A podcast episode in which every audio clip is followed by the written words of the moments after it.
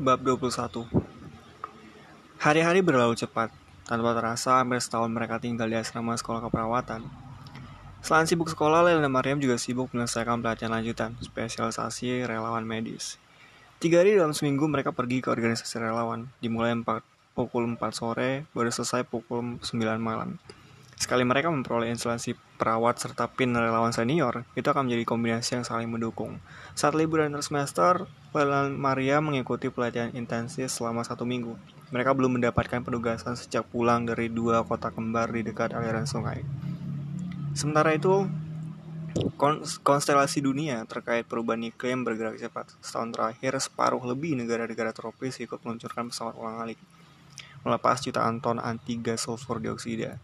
Semua pembicaraan tingkat tinggi antar pemimpin dunia sia-sia. Tak ada lagi pembicaraan. Setiap negara hanya memikirkan kondisi penduduknya, mengambil jalan pintas agar suhu kembali pulih seperti sedia kala.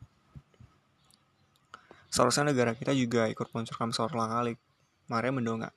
Tangannya memegang skop bersama penghuni asrama sekolah. Mereka sedang membersihkan jalan dan halaman asrama. Salju turun tadi malam, tebalnya hampir 20 cm. Lalu menggeleng itu bukan ide bagus. Hari ini salju turun setebal ini, bagaimana setahun lagi, Lel? Kota kita berubah jadi kutub es. Ada, peng, ada penguin dan beruang kutub berlalang jalanan. Aku tidak peduli apa akibatnya, luncurkan pesawat ulang lagi pagi ini. Besok mungkin kita sudah punya musim panas. Maria menyeringai. Situasi dunia setahun terakhir kacau balau. Setiap kali ada negara yang mengintervensi lapisan stratosfer, imbasnya pindah ke negara lain. Pemimpin dunia saling menuding, saling menyalahkan. Suhu udara di kota Lel masih stabil, hanya salju yang menjadi masalah.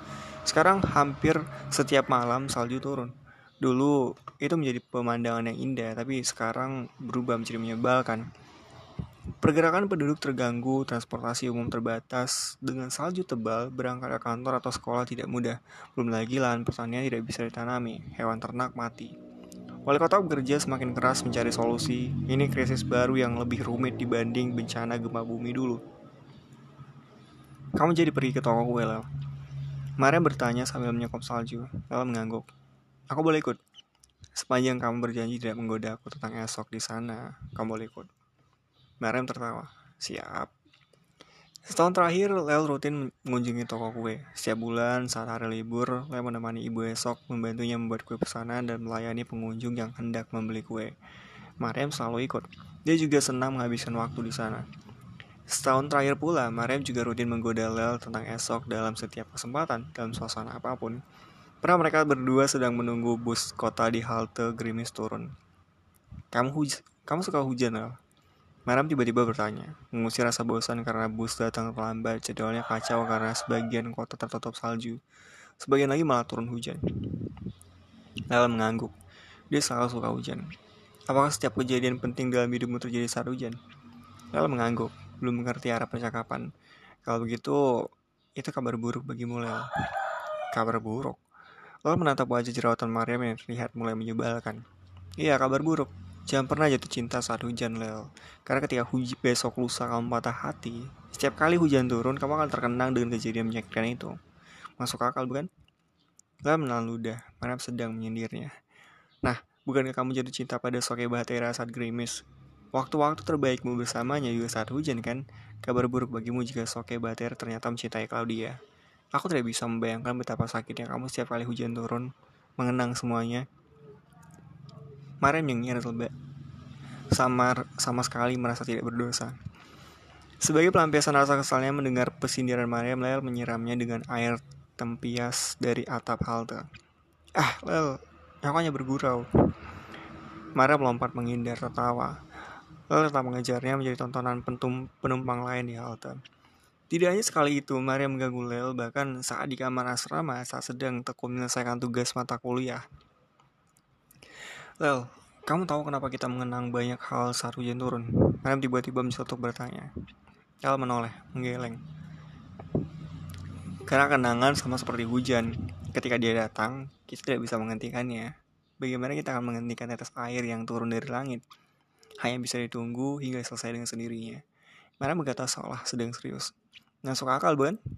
Lel mengangguk, itu masuk akal. Nah, itulah kenapa kamu selalu suka hujan selama ini. Aku sekarang paham.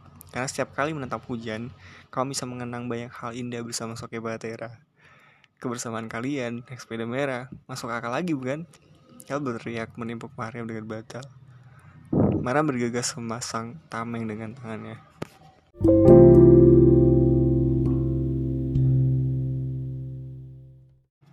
dan Mariam tiba di toko kue pagi-pagi sekali. Suara lonceng kecil terdengar lembut saat Lel mendorong pintu toko. Selamat pagi, Lel Mariam. Ibu esok menyapa. Pagi, Bu. Lel tersenyum. Mariam ikut balas menyapa. Apa kabar, Bu? Lel bertanya. Ibu sehat, tapi toko ini tidak, Lel.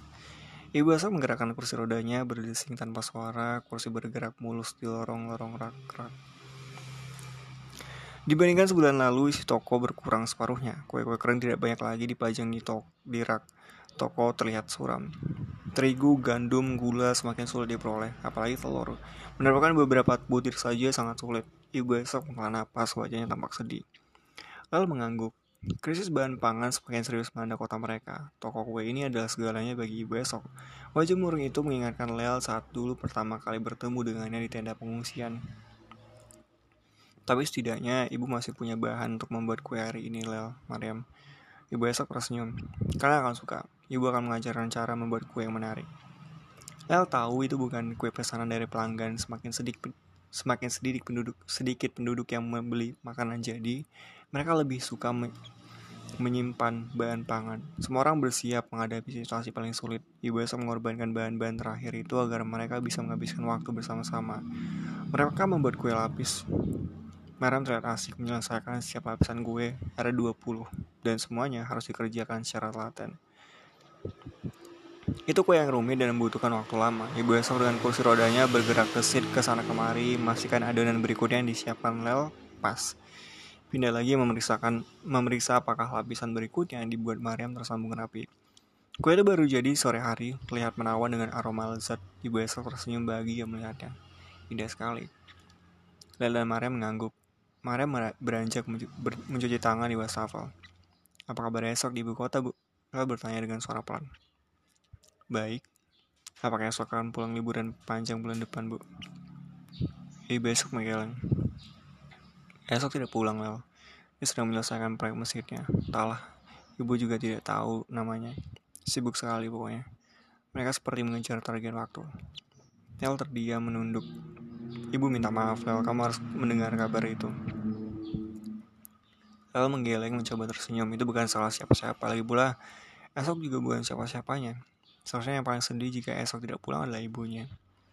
Lalu tidak bertanya lagi hingga Mariam kembali dari Westafel. Mereka berdua berpamitan pulang bawa separuh kue lapis. Kalian tidak perlu lagi datang kemari bulan depan, Lel, Mariam. Ibu esok mengantar hingga ke pintu, suara lonceng terdengar lembut. Kenapa, Bu? Mariam tidak mengerti. Besok, toko ini ditutup. Ibu tidak punya lagi bahan-bahan untuk membuat kue. Wajah ibu esok terlihat lesu. Keserangan sepanjang hari menguap dengan cepat. Lel dan Mariam saling tatap. Itu kabar yang menyedihkan. Toko-toko di jalan kuliner itu juga telah tutup separuh lebih. Kesulitan bahan makanan. Ibu esok mendongak, menatap langit mendung. Semoga pacak bahan makan, bahan pangan tidak lama. Ibu sedang sekali kalian berdua bersedia menemani orang tua ini seharian. Dan Mariam mengangguk, beranjak meninggalkan toko.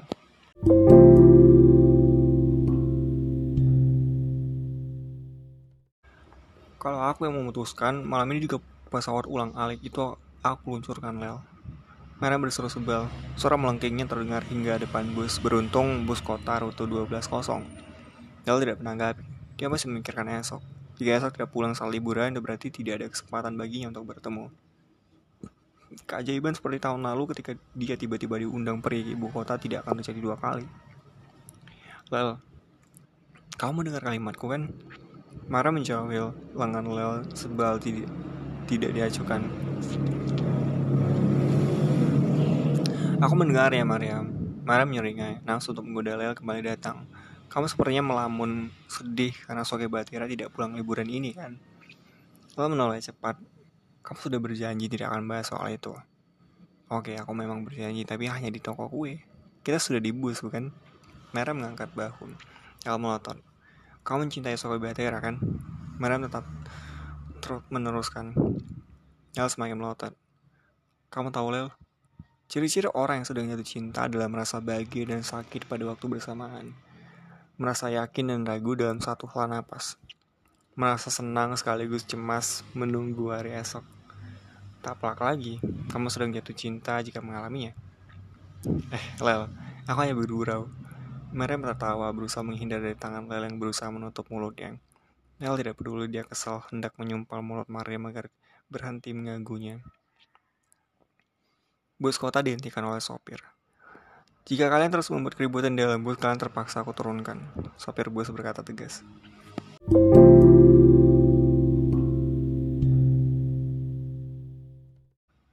Apakah Leo jatuh cinta pada esok? Usianya saat itu 19 tahun, esok 21. Lel bukan lagi remaja pun telah lama beranjak dari masa kanak-kanak. Lel sudah tumbuh menjadi gadis dewasa, mandiri, dan serius mengejar cita-citanya menjadi perawat sekaligus relawan. Itu juga pertanyaan yang sering hinggap di kepala Lel saat malam-malam sendirian. Ketika Mariam sudah lelap di ranjang seberang, Lel mulai bisa mendefinisikan apa yang terjadi di hatinya. Apakah dia mencintai esok? Kenapa dia selalu ingin bertemu esok, tapi saat bersamaan dia takut menelponnya? Kapan pun dia bisa menggunakan tablet miliknya menelpon esok atau menggunakan janja kantin sekalipun, itu bisa itu bisa berubah menjadi telepon, video conference. Wajah esok akan muncul di meja, tapi dia tetap tidak berani melakukannya. Kenapa dia selalu merasa bahagia memikirkan esok, tapi kemudian merasa sedih? Kenapa dia ingin mengusir semua pikiran ini, tapi saat bersamaan dia tersenyum mengenangnya? Apa yang diharap? yang diharapkan dari esok. Bukankah dia bukan siapa-siapa esok? Hanya anak kecil yang dulu pernah diselamatkan. Lihatlah esok sekarang, sudah bukan yang dulu. Sebutkan nama Soke Waltera seluruh kota tahu. Bagaimana, bagaimana mungkin Lela akan berharap kepada seorang yang jauh sekali bagi purnama. Lela mengembuskan nafas, menatap langit-langit kamar. Di luar salju kembali turun, pagi Lel sekarang ikut memikirkan kalimat Mariam soal Claudia. Dia ingin mengusir pikiran buruk itu. Esok menyukai Claudia. Apa hak dia keberatan jika esok ternyata menyukai Claudia? Lagi pula, dari sisi mana pun Claudia jauh lebih pantas dibanding dirinya. Lalu sebal setiap kali pikiran itu melintas. Dia tidak bisa berprasangka buruk pada keluarga wali kota yang sangat baik padanya. Dia membutuhkan seluruh kesibukan selama liburan agar bisa mengusir pikiran-pikiran itu. Dan sekarang, dia lebih baik berusaha menjamkan mata, memaksakan tidur, karena sudah malam.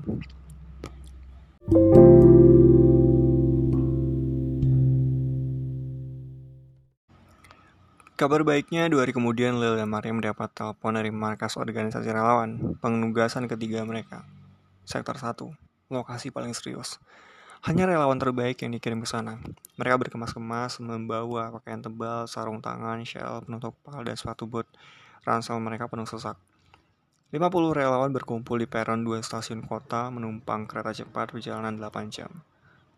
Turun dari kereta, pindah ke atas truk marinir perjalanan 3 jam saat truk berhenti lalu berpikir mereka sudah tiba. Tapi itu baru posko transit menuju sektor 1. Relawan diberikan kesempatan istirahat, makan malam, kemudian melanjutkan lagi perjalanan selama 6 jam. Baru tiba di lokasi final pukul 2 malam. Sudah terlalu larut, briefing ditunda besok pagi. Mereka menuju tenda masing-masing. Rasanya baru sekejap Lem merebahkan badan di kasur tipis. Maram sudah membangunkan mengajaknya ke tenda komando. Briefing pertama telah menunggu. Saat melangkah keluar dari tenda, pemandangan menyedihkan terlihat. Kota itu ada di tengah padang rumput. Sebelum gempa 6 tahun lalu, kota itu pusat peternakan terbesar. Puluhan ribu sapi digembalakan di padang rumput. Ratusan ribu ton daging segar dan jutaan liter susu dikirim ke seluruh negeri dari kota itu. Gempa bumi menghancurkan seluruh kota, perubahan iklim menghabisi padang rumput. Tidak ada yang tersisa. Infrastruktur kota hancur, jalan rusak, jaringan komunikasi terbatas, kadang sinyal ada, lebih sering hilang. Tambahkan setahun terakhir sejak salju turun benar-benar tidak ada yang tersisa. Padang rumput berganti padang salju, tidak ada yang tumbuh di atasnya apalagi hewan ternak. Kondisi penduduk kota buruk, kelaparan, wabah penyakit, sudah bertahun-tahun mereka bertahan hidup dengan sumber daya seadanya. Penduduk berlarian berebut di sekitar truk militer yang membagikan makanan, bahan pangan sangat langka, bahkan untuk kota di sektor 6 sekalipun. Setelah briefing, Lola Maria menuju rumah sakit darurat memulai hari pertama penugasan menatap anak-anak yang kurus kering, kurang gizi, dan orang tua jompo yang tinggal tulang. Mereka sudah dua kali mengunjungi lokasi pengungsian, tapi yang satu ini sangat mengenaskan. Hari pertama, sore, Lel terhuyung menuju ujung lorong rumah sakit menangis di sana. Maria menyusulnya. Kamu baik-baik saja, Lel. Lel menggeleng, terisak. Bagaimana dia akan baik-baik saja? Salah satu pasien yang sedang dia rawat, anak laki-laki usia 6 tahun meninggal di hadapannya. Lel sudah berusaha semampu mungkin menolongnya melakukan semua prosedur gawat darurat. Anak itu menderita paru-paru basah. Tubuhnya kurus kering. Anak itu menatap Lel terakhir kali sebelum pergi selama-lamanya. Maria mendekat bau teman sekamarnya. Kamu gadis terkuat yang pernah aku kenal, El. Maria berbisik menghibur. El menyekap pipi, berusaha mengendalikan emosi. Tanpa salju turun, sektor satu sudah mengenaskan, apalagi dengan salju setahun terakhir. Penduduk kota itu tinggal 6.000 orang, turun dari titik tertingginya 1 juta penduduk sebelum bencana gunung meletus. Butuh waktu seminggu hingga akhirnya Lel terbiasa. Maria membantunya menghibur setiap kembali ke tenda, meyakinkan bahwa mereka telah berusaha sebaik mungkin tapi tidak bisa menyelamatkan semua orang. Setelah satu minggu, hari-hari berjalan seperti biasa. Mereka bangun pagi-pagi, bekerja sepanjang hari di rumah sakit darurat, kembali ke tenda pukul 8 malam, langsung merebahkan diri di atas kasur. Tertidur lelap tanpa sempat memikirkan apa pun. Itu kesibukan yang dibutuhkan oleh Lel. Hari ke-14 Yel kembali ke tenda dengan Riang, salah satu pasien yang dia rawat, anak perempuan usia 11 tahun sembuh. Menatap anak itu tersenyum, sudah bisa pulang ke tendanya membuat Lel sangat bahagia. Lupa bahwa selama di sana, sudah dua anak yang meninggal di rumah sakit. Kamu kenapa, Lel? Terus senyum. Mariam bertanya di tenda. Hari ini Mariam tidak bertugas di rumah sakit darurat. Dia berkeliling ke sudut-sudut kota melakukan observasi penduduk yang bertahan hidup di rumah-rumah kayu. Tidak ada apa-apa. El menggeleng melepas jaket tebalnya. Tenda mereka dilengkapi pemanas.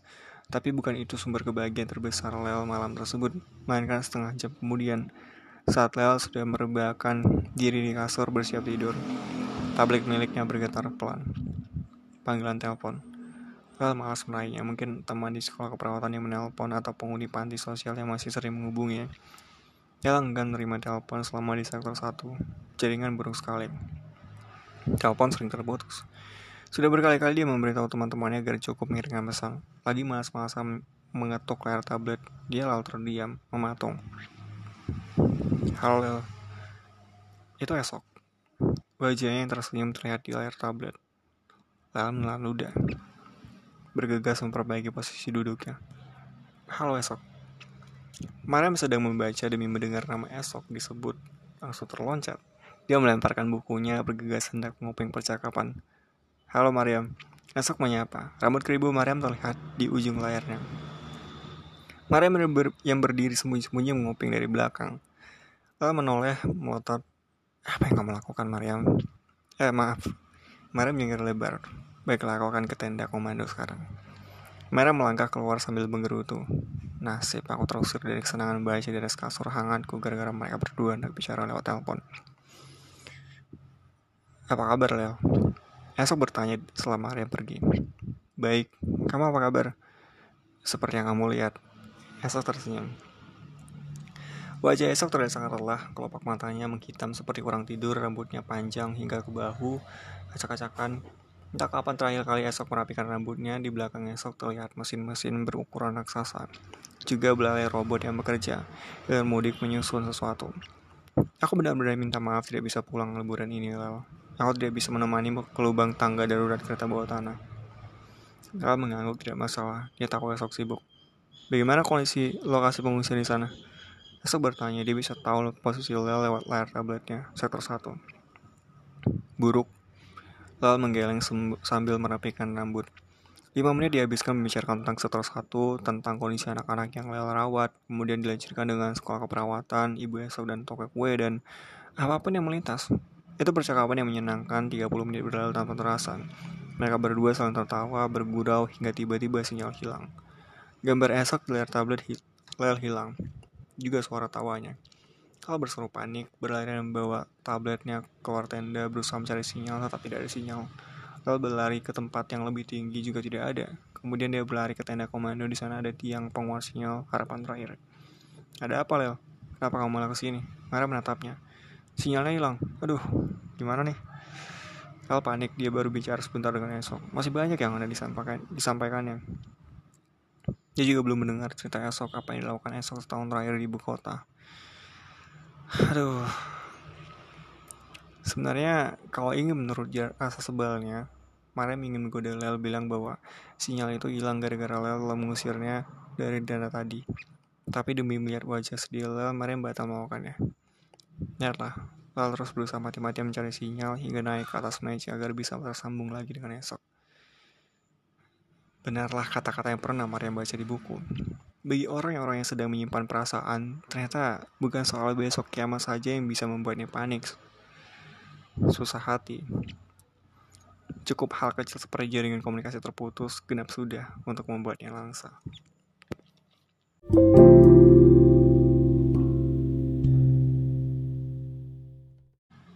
Tapi Lel tetap bisa tidur nyenyak malam itu. Satu jam saat sinyal kembali dia menerima pesan dari esok dan bergegas membacanya. Hai Lel, aku tahu sinyal di sektor satu hilang. Aku bisa melihatnya dari sistem. Aku harus kembali bekerja. Profesor memaksa kami menyelesaikan modul terakhir minggu ini agar tes bisa dilakukan bulan depan. Sekali lagi, aku minta maaf tidak bisa pulang liburan sekolah. Kapan pun aku mendapat izin pulang, aku akan berlari pulang ke kota kita, menemanimu pergi ke lubang tangga darurat kereta bawah tanah. Semoga kamu baik-baik saja. Miss you. Dalam bahas pesan itu pendek, ya tidak apa-apa. Semoga kamu juga baik-baik saja di sana. Well, awalnya hendak menambahkan kalimat miss you tuh, tapi setelah berkali-kali membacanya, kalimat itu akhirnya dia hapus. Lalu meletakkan tablet, menarik selimut, dan beranjak tidur. Baca kapan 30 menit tadi lebih dari cukup sebagai pengganti pertemuan. Well, senang sekali telah ditelepon. Dia bisa bersabar menunggu daun depan. Dan dalam kisah mereka berdua, di tengah teknologi komunikasi cuma saat itu, hanya tiga kali mereka bercakap lewat telepon. Satu untuk malam itu, yang kedua setahun kemudian, saat esok menyelesaikan kuliahnya dan yang terakhir di penghujung kisah ini. Tiga-tiganya esok yang menelpon. Karena serindu apa pun Lel, dia tetap tidak berani melakukannya. Sesuatu yang tidak pernah bisa mengerti Mariam yang bertahun-tahun menjadi teman sekamar Lel.